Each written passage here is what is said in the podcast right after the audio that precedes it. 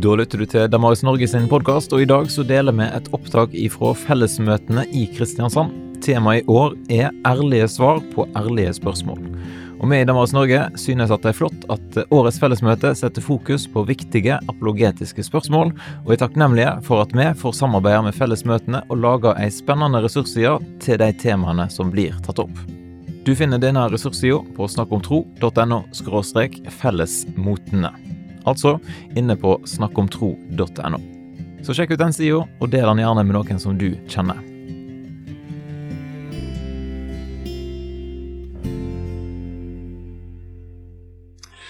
Mitt navn er Sindre Rosland Sørli, og tusen hjertelig takk for at jeg får til å komme her og tale på fellesmøtene for ungdommer. Det kan ikke bli bedre for meg. Jeg har gleda meg vanvittig. Og jeg har også lyst til å si tusen takk for at jeg blir spurt for hver gang jeg får lov til å forkynne Guds ord. Ja, Jeg skal dele noe til dere i kveld, men tro meg, jeg har jobba med denne tematikken nå i noen uker, og det er fantastisk bra for meg. er det lov å si det? Så jeg bare takker til Rune og fellesmøtekomiteen for at dere spurte meg, for det har vært bra for meg. Og i dag så håper jeg at dette kan bli bra for deg. Og ja, jeg har lua på meg i dag. Og jeg har to gode grunner til at jeg bruker lue inne. Den første i dag er at hvis du har sett plakaten for fellesmøtene, så er det fine bilder av alle, og så kommer jeg der med lue. Uh, så jeg tenkte at, uh, Og jeg hørte fra en her i Kristiansand når jeg flytta til Oslo i høst. Dessverre, dessverre, det er litt trist. Jeg hørte fra en som jeg kjenner i Kristiansand, som hadde, sagt, eh, som hadde spurt noen om de skulle på fellesmøtene. For han kjenner meg. Så han spurte noen andre, og så sa de ja, ja, ja, er det ikke han der med lua som kommer. Så tenkte jeg ok. Et halvt år borte, så er han med lua. Ja, ja, men sånn er det. Der må han ny, han ny igjen. Men takk for det. Så jeg tenkte da må jeg ta med deg den, så vet du, du som kanskje sitter her nå, det er han med lua. Han er her. Og to, det er på grunn av Hvis du ser det strikket her jeg har på hånda, så har jeg det fordi at i sommer så var det fire år siden jeg klippa meg sist. Ok? Jeg hadde langt hår i fire år. Kom igjen, Face ID, da. Det er jo så utrolig stress med Face ID av og til. Ja, Men det får vi ta etterpå. Da var det fire år siden jeg hadde klippa meg sist. Og da hadde jeg langt hår i fire år. Og jeg har tydeligvis glemt å klippe meg, så jeg ser så utrolig dårlig ut på håret. Kona mi sier det til meg hver uke. du må få klippet deg, du må få klippet deg. Og nå har jeg tatt dette strikket på armen. For, ikke fordi jeg ikke liker langt hår, jeg synes det er fint. Men fordi at jeg må si sånn, du må ikke komme dit at du må bruke dette igjen. Du må gå til frisøren før du må bruke dette. så Det er derfor jeg også har på lua i dag. Ok. Jeg håper du har satt deg ned, funnet plassen din, slapper av, slipper ned skuldrene litt. Ha det bra. Og så har vi et veldig spennende tema som vi skal gå i gang med med en gang. Og Denne fellesmøteuka handler om spørsmål. Ærlige spørsmål og ærlige svar. Og Jeg skal prøve å gi et så ærlig og godt svar som jeg kan i dag på dette spørsmålet. Kan jeg være kristen når jeg tviler? Bra jobba til dere i komiteen. For et bra spørsmål å stille for oss kristne. For oss som er unge Ja, jeg tar meg inn i den kategorien, selv om du er yngre enn meg. kanskje. Det er lov å være gammel og se på dette møtet. Det er fullstendig lov. Dette er fellesmøtene. Kan jeg være kristen når jeg tviler? Utrolig bra jobba. Vi skal lese en tekst. Når jeg forbereder meg til tale, så er det alltid sånn at eh, det handler om en tekst fra Bibelen. Jeg har lyst til å legge ut Guds ord. Det å forkynne det handler om å legge fram Guds ord for folk, for meg sjøl og for dere. Og så kan vi lære noe sammen av det. Ok, så I dag så har vi en tekst som er fra Johannes kapittel 20. og Det er vers 24-31. og Da er vi midt inne i et eller annet. Og Da har jeg lyst til å fortelle litt kort om hva vi er midt inni. Hva er konteksten til den teksten vi skal få lov til å lese? I Johannes kapittel 20, altså i begynnelsen av dette, før det som vi skal lese, så har Jesus akkurat stått opp fra de døde. Det er jo helt vanvittig. Dette er selve klimakset i den kristne fortellinga, i evangeliene. Og Grunnen til at dette har skjedd, er fordi at Bibelen forteller en historie der mennesket først var sammen i fellesskap med Gud. Mennesket valgte å ja, rett og slett prioritere ned Gud og si vi vender oss vekk fra deg, Gud. Vi vil kanskje ikke høre på det du anbefaler oss, det du sier at vi skal gjøre. Så vi vendte på en måte ryggen til Gud. Det var holdninga vår. Holdninga vår var at nå vender vi oss ikke til Gud lenger. Og det gjorde også noe med handlingene våre, pleier jeg veldig ofte å si. Men Gud hadde et ønske om å ha fellesskap med mennesker. Og Derfor leser vi gjennom Bibelen at han hadde ett folk, israelsfolket som han fulgte.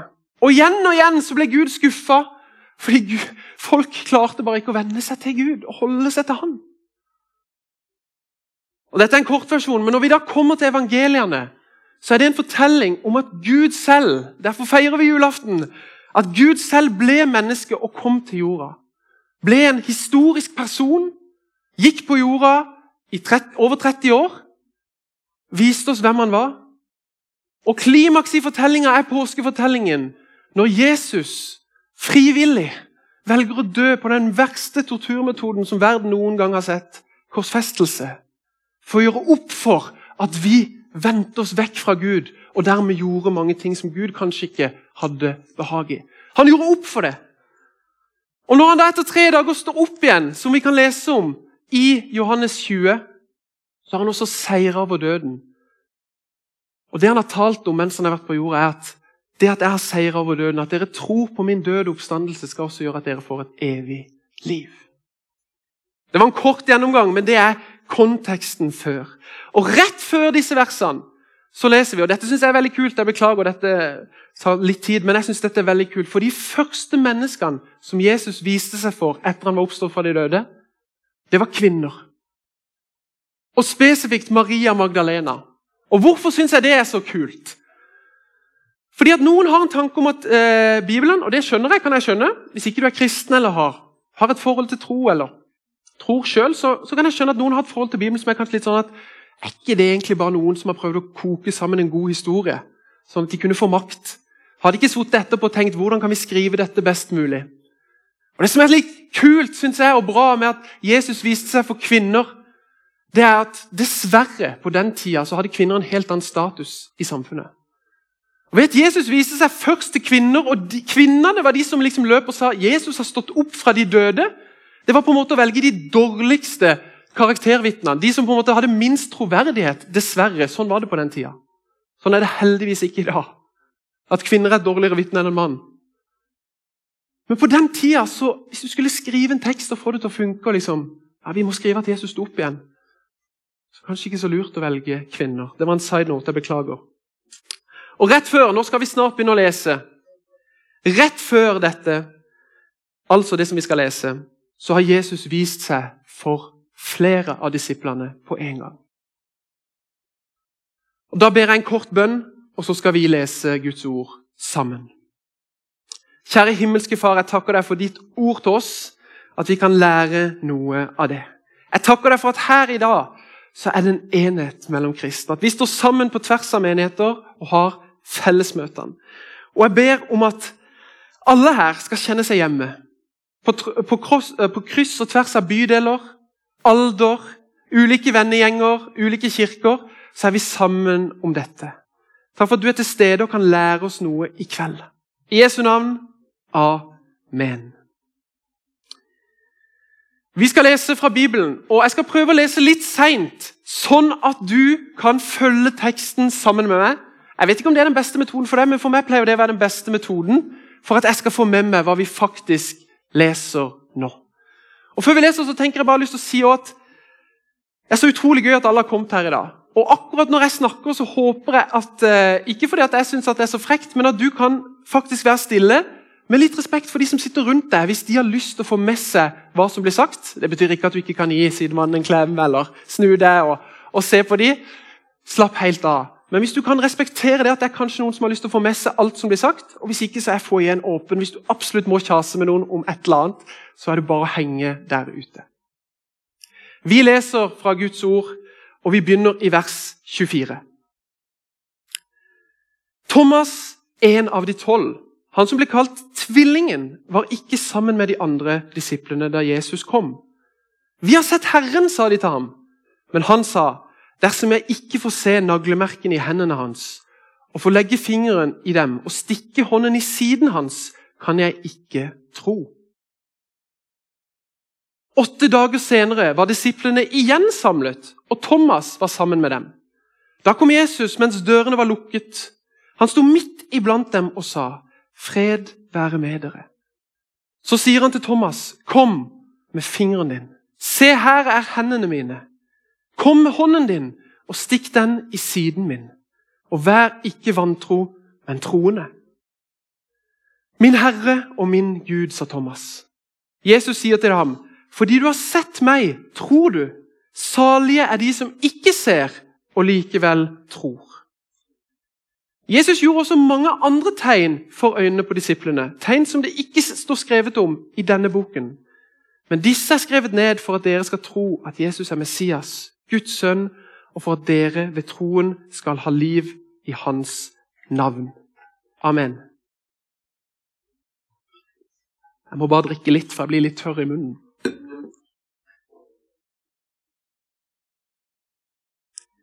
Kan jeg være kristen når jeg tviler? For å komme litt godt i gang så har jeg lyst til å ta et utgangspunkt med disse fire ordene. For å få en start, sånn at vi sammen kan stå litt på samme grunn når vi går videre og ser litt nærmere inn i teksten igjen. Vi hørte ord tro og vantro i teksten. En definisjon på tro fra Store norske leksikon vil være en oppfatning som man tar for å være sann. Man har personlig fått ok, jeg har fått en oppfatning at dette har skjedd, eller sånn er ting. Så tenker man det er sant. Det er en tro. Og I Bibelen så blir det beskrevet nokså likt. Troen er pant på det vi håper, et bevis for det vi ikke ser. Eller det er en visshet om det vi ikke kan se. Tro er altså en oppfatning, en forståelse av noe. Og Jeg hadde lyst til å ta kanskje et kort eksempel den historiske Jesus. Historikere som jobber på universiteter verden over, vil si at Jesus Kristus har levd. Vi har så gode historisk materiale på at den personen har levd og har hengt på et kors i Jerusalem på den tida som Jesus levde. Det er utrolig bra, og for du som ikke har hørt det før, så er det en fin ting å vite hvis du tror. Det er noe vi vet. En tro på Jesus som Guds sønn, og som den som gjorde under, helbreda og sto opp igjen fra de døde. Ja, Det er en oppfatning av at det faktisk er sant. Og Jeg tror at det er faktisk mange gode grunner til å tro at det er sant. Og jeg tror det sjøl. Men det er en oppfatning. Det er en tro. Tro har en motsetning. Og På norsk så er det vantro. Eller det er bestemt å ikke tro. Og På engelsk så gjør de det lettere for oss. Åh, takk til disse amerikanerne og britene. Takk for at du gjør det litt enklere.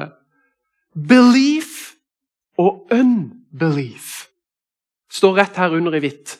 Belief og unbelief. Vantro er et litt vanskelig ord. Hva betyr egentlig det? jeg syns det er nesten litt vanskelig sjøl. Men hvis du liker engelsk bedre, så tenk belief, unbelief. Så motsetninga til tro er altså vantro, eller det å bestemt ikke tro.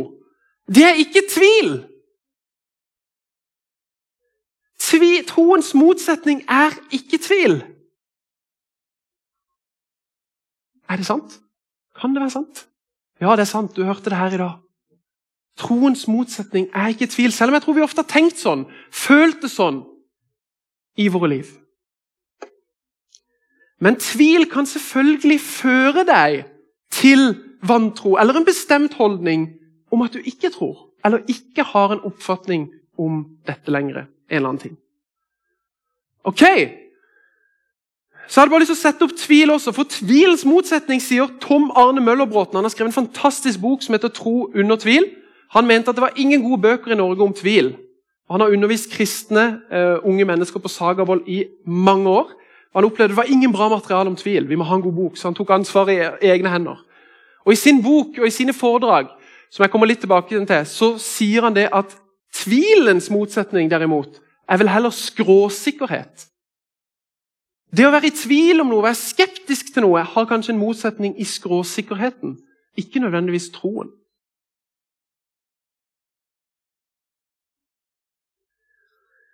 Kan du bare nikke litt hvis du føler at du er med enda? Nikk litt sånn. For Hvis ikke, så må vi begynne fra begynnelsen igjen. Ja, ok, ja, greit. Jeg ser hvor mange som bare ja, ja. Gå videre, vær så snill. Ja, men da gjør vi det. Da går vi videre. Og nå har jeg øvd på dette navnet 100 ganger, for jeg har lest denne boka. AJ Svoboda. Å, hei hå. Den den er heftig. AJ Svoboba, nesten. Jeg klarer det ikke helt. Har skrevet en fantastisk bok som heter After Doubt. AJ han har en ph.d., doktorgrad, i teologi. Bor i USA. Har eh, undervist på flere forskjellige kjente og veldig anerkjente teologiske seminarer og steder. universiteter. Og Han jobb, har jobba i en av USAs mest sekulære byer, som heter Portland. Hvis du spør amerikanere, så er Portland en av de mest sekulære byene. Det er mange mennesker som tror på Gud i USA, i mange former. Men Portland er en av byene som har kanskje blitt mest hva skal man kalle det, der troen har blitt satt mest på prøve, og der det er kanskje færrest kristne. Og Han har rett og slett jobba med veldig mange mennesker som har levd i dette samfunnet. Han har vært pastor og leder og snakka med utallige unge mennesker som er kanskje litt eldre enn oss som sitter her inne i snitt. Ja, for du får fortsatt lov til å være her hvis du ikke er ungdom. Han har kanskje snakka med folk som er litt eldre enn oss, men som har vokst opp i en sånn stor, sekulær by. Hvor historien er kanskje det at det har vært mange kristne her, men nå begynner det å endres. Og I møte med disse menneskene så skrev han i etterkant boka 'After Doubt'. How to question your faith without losing it. Hvordan sette spørsmål til troen uten å miste den? Og Jeg skal bruke denne boka litt og prøve å bare nå skal jeg være veldig snill med dere, og så skal jeg ta liksom, de viktigste poengene i boka og gi de til dere, så slipper dere å lese hele boka. Går det greit? Ja, noen likte det. Noen syntes det var helt greit. For å forklare hovedpoenget i boka til AJ, som jeg liker å nå kalle han, så skal jeg avsløre hva som er under her. Vi prøver den en gang til. Sånn at det, liksom, det føles ut som det er litt spenning. i hvert fall. For å liksom forklare hovedpoenget så skal jeg avsløre hva som er under her. Ta-da! Hei! Woo! Let's go. Jeg skal bare ta med meg disse, for Hvis det blir altfor mye duplo, så går jeg helt i sving her. holdt å si, helt i lås. Ja, Dette er da Duplo-modellen. Dette er Duplo-modellen som skal hjelpe oss til å forklare noen litt vanskelige ord. For Hovedpoenget i boka til AJ det handler om konstruksjon, altså det å bygge tro. Det er noe vi ofte gjør. Mange av oss har gjort det i oppveksten. Mange av oss har gjort det i kirka, med en venn, med en forelder. Vi har bygd tro, vi har lært om Gud. Vi har kanskje møtt, opplevd at vi har møtt Gud eller fått et, en opplevelse med Han. Og så er det dekonstruksjon, det å stille spørsmål, betvile troa. Omverdenen krever svar. Folk i kantina sitter og banker i bordet.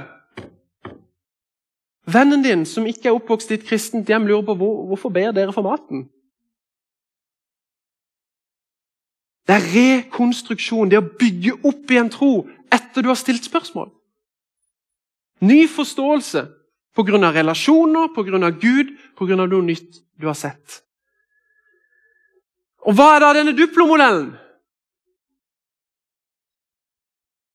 Noen ganger så skjer konstruksjon på veldig fine måter. Man bygger på litt. Man setter ting der det passer. Denne passer jo her, gjør den ikke det? Denne passer her. Skal vi se En grønn en. Den er fin å ha der. Hva er dette for noe? Ok, Den kan jeg sette der. Litt sånn har kanskje mange opplevd at vi har bygd tro gjennom å lese Bibelen, møte i kirka, være på gudstjeneste Mange forskjellige ting. Vi har bygd på troen vår, og den har blitt noe som står sammen. Noe som henger sammen.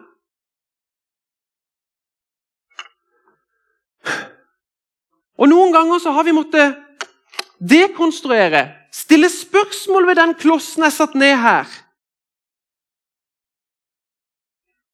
Bibelen.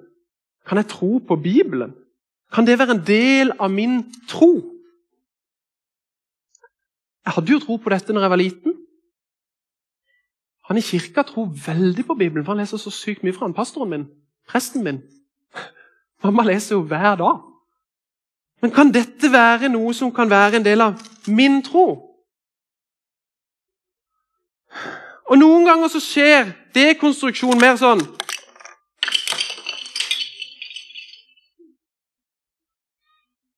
Livet skjedde. Hvorfor mista vi denne personen? Hvorfor måtte en person som vi var glad i, dø? Hvorfor behandler den personen meg så dårlig? Er ikke den en kristen?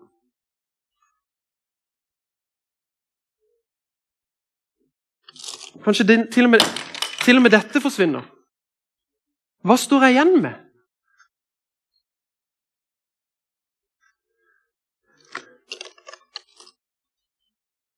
Hm.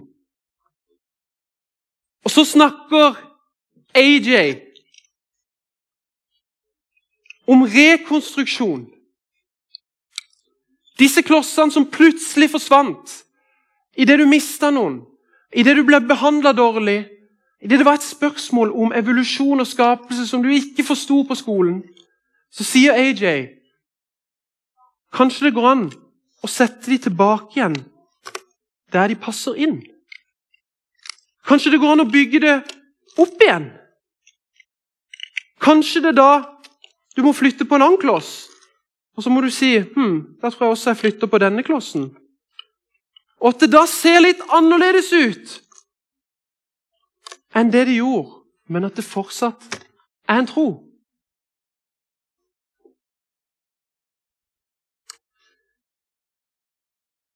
Jeg skal ha en litt personlig del.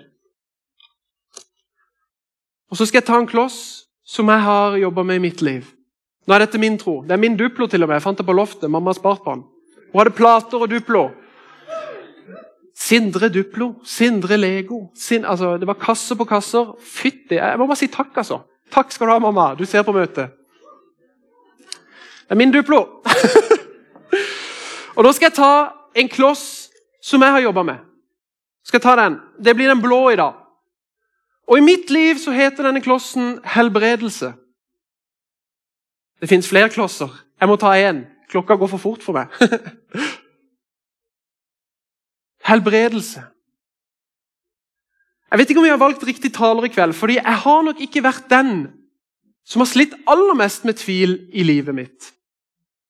Tom Arne Møllerbråten, som jeg snakka om i stad, han kan du kikke mer ut om etter hvert, men han sier selv om, han, om seg sjøl at han er en skeptisk kristen, en som har tvilt mye, men fortsatt kristen. Så jeg tror det er litt forskjellig mellom oss. Men jeg har tvilt som alle andre. Og det er litt forskjellig hvor mye vi tviler. Og denne klossen, helbredelse for meg, har vært vanskelig. Jeg vokste opp uten å vite så mye om helbredelse. Trodde på det som sto i Bibelen. Og Etter hvert så begynte jeg å skjønne at eh, Bibelen inneholder jo en del historier om helbredelse. Folk som blir friske. Lamme som går. Spedalske blir rensa. Spedalskhet er ikke en sykdom vi hører så mye om i dag, men det er en nokså forferdelig sykdom blinde får synet tilbake. Og Denne klossen jobba jeg med gjennom ungdomstida, spesielt. Så begynte jeg å høre historier fra venner som jeg stolte på, som sa at du, jeg kjenner noen som er blitt helbreda. Jeg ba for noen som ble frisk. Så begynte jeg i min ungdomstid å be for noen av og til, når det var en fin anledning for det, og det føltes riktig. Og Noen ganger så tenkte jeg dette kommer aldri til å gå. Og Noen ganger så tenkte jeg dette må jo gå! Men innerst inne så hadde jeg alltid en sånn Kommer det til å gå? Og I mitt liv så har jeg gått på, mye på, jeg drev mye med idrett.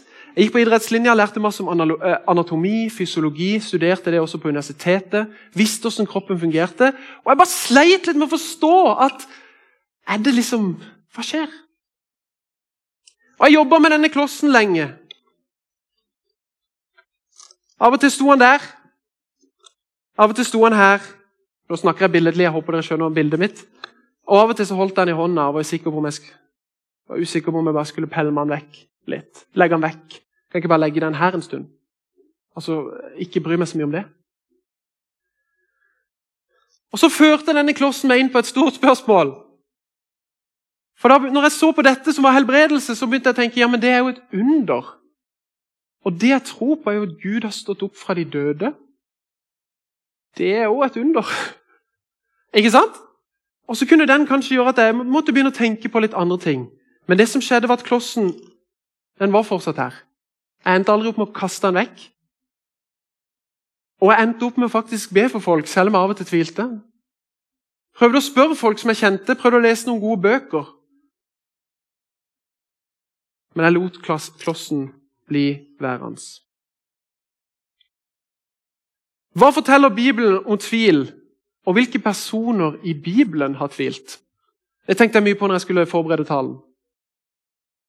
Og da, Hvilke personer i Bibelen har tvilt? Så, så, tenkte jeg liksom sånn, oi, det var et stort spørsmål. Nå må jeg sikkert gjøre masse research. Og så begynte jeg egentlig bare å tenke, så tenkte jeg på jeg er ikke sikkert du, du kjenner alle disse karakterene og ikke vær flau for det, men så bare var, kom det, å ja, helt i begynnelsen det var jo Abraham. Ja, han sleit jo en del. Han var usikker på hva han skulle gjøre av og til. Så hadde vi Moses.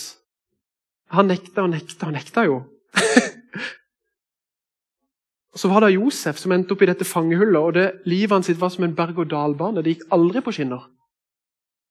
Jeg vet ikke om han alltid følte at alt var på stell, og at Gud hadde full kontroll. Og Så var det David som har skrevet alle salmene, og du bare hører på han at han sliter. Jonah, døperen Johannes, Thomas, Peter. Og så tenkte jeg å, hei, heiane.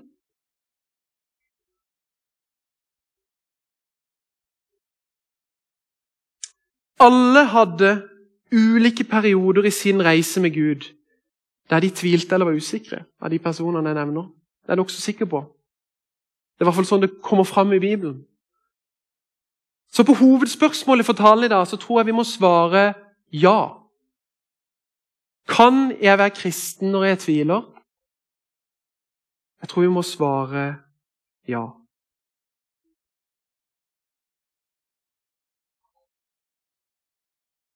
Vi skal stoppe opp ved ett spesielt punkt i teksten, og det punktet kommer nå.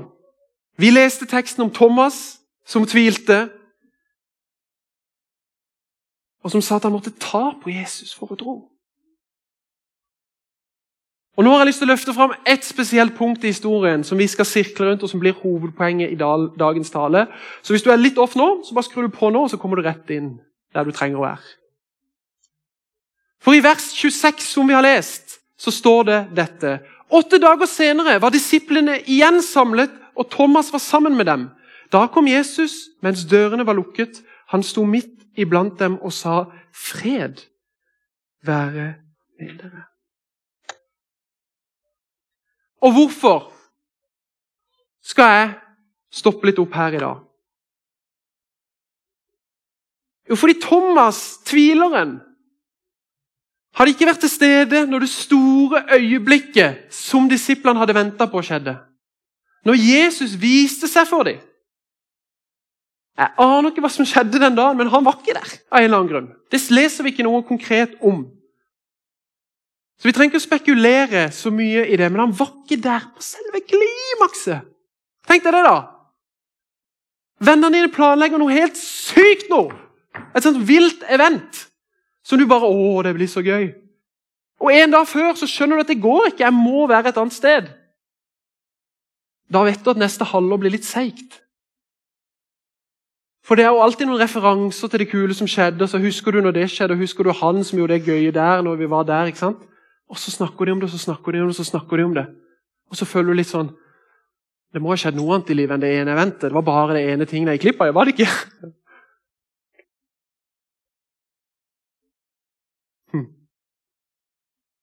Åtte dager etterpå Thomas hadde sagt at han tvilte. Så var altså disiplene samla igjen. Og da var Thomas med dem. Er ikke det nesten litt rart?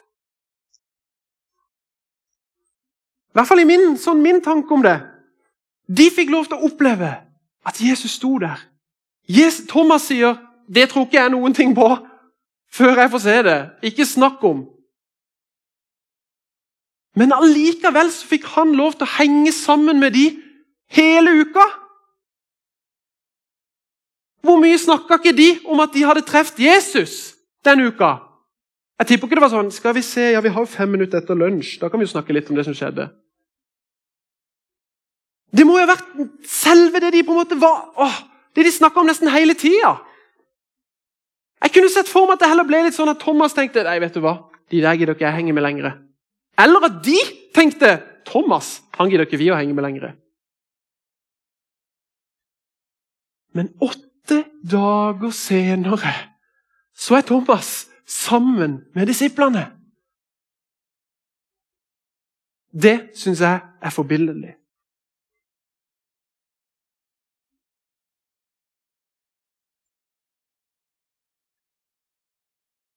Dette skal du få med deg. Dette er Thomas sitt eksempel til etterfølgelse for oss som enkeltpersoner og for oss som kirker, tror jeg. For det Thomas gjorde med sin tvil, det var at han snakka om han. Han satte ord på han.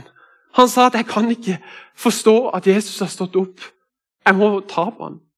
Han fortalte de nærmeste. Han fortalte de som var kristne. De ble kanskje ikke kalt det akkurat på den tida, men han fortalte sine nærmeste venner om det. De som hadde sett Jesus. Og han, bli, han, han, bli, han ble værende. Få med deg dette i kveld.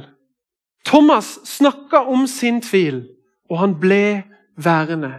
Og jeg tror at våre ungdomsarbeid, menigheter, kirker og kristne vennegjenger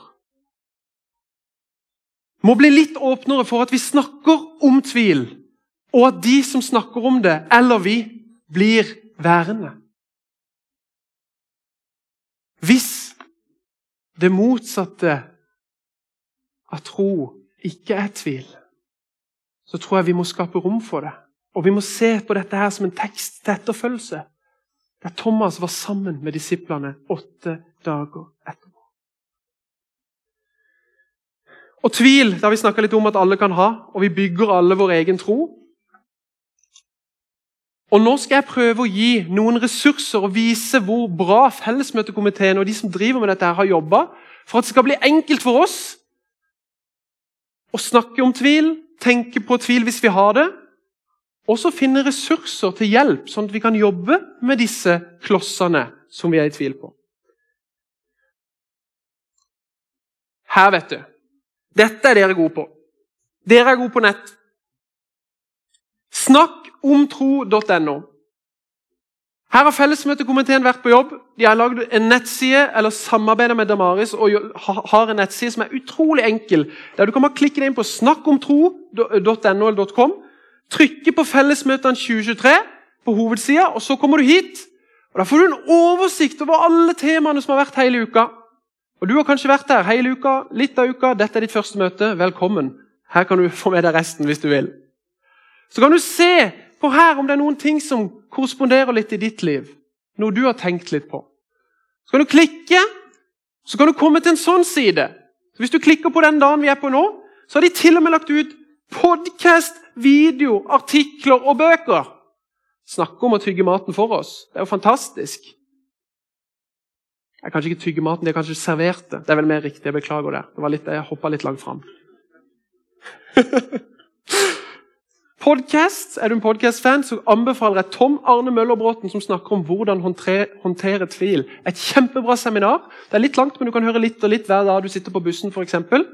en time holder han på, i hvert fall. Kjempebra. Etter møtet så kommer vi til å ha noen bøker.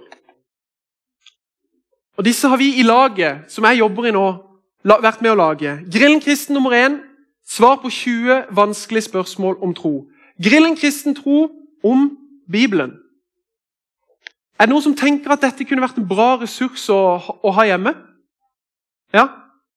Yes? Da skal du i grønn få den gule.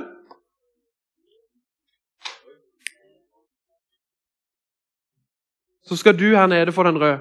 Du nærmest. Vær så god. Kan du lese den hvis du vil. Så kan du gi den til en venn hvis du ikke vil. Etterpå så selger vi disse bøkene. Det er ikke vi laget, men det er Vivo som står oppe på bokstein og selger en bok som tar opp disse 20, 20 av de vanskeligste spørsmålene til kristen tro.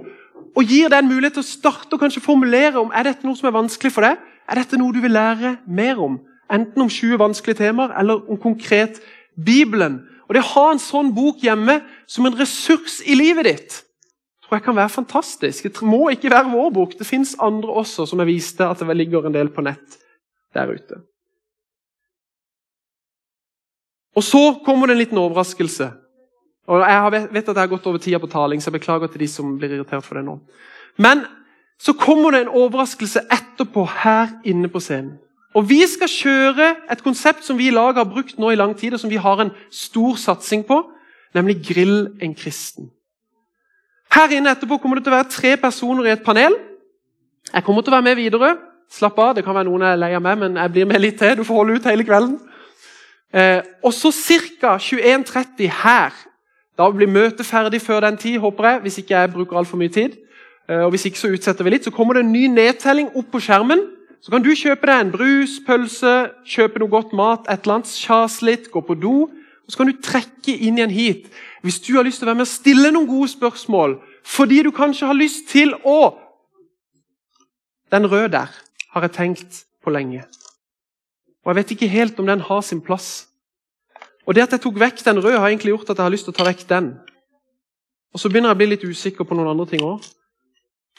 Du skal få en mulighet til å spørre om de tingene du lurer på, og prøve. Og vi skal prøve så godt vi kan å svare på en god måte. Og Det vil ikke være en sånn superlang seanse, men vi må ha en del minutter, for vi pleier å få en del spørsmål. Så bare kom her, trekk inn fram, og så begynner vi når nedtellinga på skjermen er klar. Så bare hold et øye her inne hvis du er interessert i det.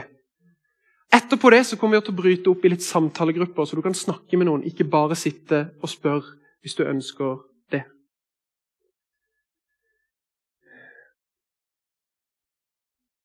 Jeg har holdt på lenge, og jeg skal avslutte med dette siste bildet. Så du som har jobba hardt for å holde ut, du har gjort en fantastisk jobb. Tusen takk for at dere har fulgt så bra med. Det setter jeg vanvittig pris på. Og dette er det siste vi leste. I vers 30 så står det Jesus gjorde også mange andre tegn for øynene på disiplene. Tegn som det ikke er skrevet om i denne boken. Men disse er skrevet ned for at dere skal tro at Jesus er Messias, Guds sønn, og for at dere ved troen skal ha liv i hans navn. Jeg tror oppriktig at Gud ønsker for oss at vi skal ha en tro. Men jeg tror også at han ønsker at vi skal ta det å ha en tro så på alvor at vi skal få lov til å stille spørsmål til troa. For det motsatte av å tro er ikke å tvile. Og Derfor kan vi gi rom for tvilen. Den kan bli nysgjerrighet som fører oss videre. For det vi har konstruert, det som er i ditt liv, som jeg tror nå Det kan godt være at det å flytte på noen klosser og dekonstruere litt og stille noen spørsmål ikke er så farlig, men kan føre til at de blir satt på igjen på et godt sted, som fortsatt gjør at du har en trygg og god tro. Og Vi har lyst til å bruke rommet og kvelden i dag til å gjøre dette også i praksis. Det er derfor vi skal ha Grillen kristen og samtalegrupper, og at du har mulighet til å bruke disse ressursene. Og Dette er også en sterk oppfordring til dere som leder ungdomsarbeid, dere som leder menigheter, til å kontakte oss i laget hvis dere ønsker at vi skal komme og hjelpe som en ressurs i dette. Og virkelig bruke tid på av og til å sette ord på det vi syns er vanskelig. Når Jesus da ønsker at vi skal ha tro. Det som skjer i dette rommet nå, det er at vi skal ha lovsang, og lovsangene kan komme opp igjen her på scenen. Og samtidig som vi har lovsang, så har vi mulighet til å bli bedt for. Det er det kanskje noen som er veldig kjent med, og noen som er mindre kjent med. Men vi har et team med forbedere. Når dere ser på meg her nå, så er det på deres venstre side, nede under galleriet her. Og der kan du komme med ting som du tenker på. De gode spørsmålene som du har, kan du komme med her på Grillen kristen etterpå. Men du kan også komme med spørsmål der. Men vi tenker liksom at spørsmålene sin plass er kanskje på Grillen kristen. Men hvis du har lyst til å bare bli bedt for i forhold til dette forholdet mellom tro og tvil, og det at du kan få lov til å tro og bygge en tro selv om du har en tvil på noe, eller det er kanskje spesifikke ting som du har lyst til å være med og be for, og som har vært tøft for deg Kanskje ligger noen av klossene dine i ditt liv. Kanskje ligger noen ting som du har bygd inn i din tro, egentlig litt strødd utover gulvet eller ned på bakken. Fordi ting og livet har skjedd. Og det har jeg utrolig respekt for. Det er vanskelig. Men dette er et sted der du møter en person med taushetsplikt som du kan snakke med, som du kan møte, og som kan legge hendene sine på deg hvis du har lyst, og be for deg din tro, din reise med Jesus. Er det fint? Ja. Så det er du helt velkommen til å gjøre. Så Da reiser vi oss opp sammen, og så skal vi begynne veldig snart å lovsynge. Og Så har jeg lyst til å be en siste bønn for det jeg har delt. Og som en inngang til at vi skal, uansett hvor vi er Om vi blir truffet av dette budskapet og kjenner oss som Thomas og sier at 'jeg kan ikke helt tro på alt det der', eller om vi står her og er nokså trygge i vår tro, så jeg har lyst til å be for oss at vi fortsetter å gå på denne trosreisen. At vi gjør det sammen i fellesskap. At vi tør å snakke sammen. Så Hvis du har lyst, så kan du bøye ditt hode og lukke dine øyne sammen med meg, bare for at alle skal få lov til å ha sin egen lille stund. Og så kan du be din egen bønn hvis du har lyst til det, ut ifra det du har allerede opplevd denne kvelden. Kjære himmelske Far. Jeg takker deg, Gud, for at du er så god. At du er så kjærlig. At du ønsker relasjon til oss, og derfor valgte du å sende din sønn Jesus. Han døde på et kors og sto opp igjen for å redde oss. For å gi oss frihet, vise at du elsker oss, og at vi kan leve i den troen for dette livet og inn i evigheten, Herre. Jeg ber for alle som kommer her, og som har tunge tvilsdaler som de går i. Jeg ber om at dette skal være et sted de kan få lov til å si det til noen.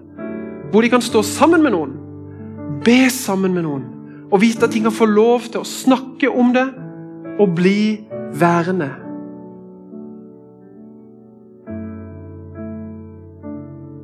Takk for at du velsigner resten av kvelden. I Jesu Kristi navn. Amen.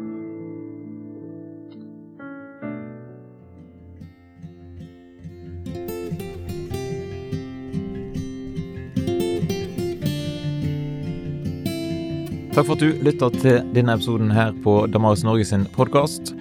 Ønsker du å jobbe mer med spørsmålene som blir tatt opp på fellesmøtene, ja, da kan du sjekke ut snakkomtro.no fellesmotene.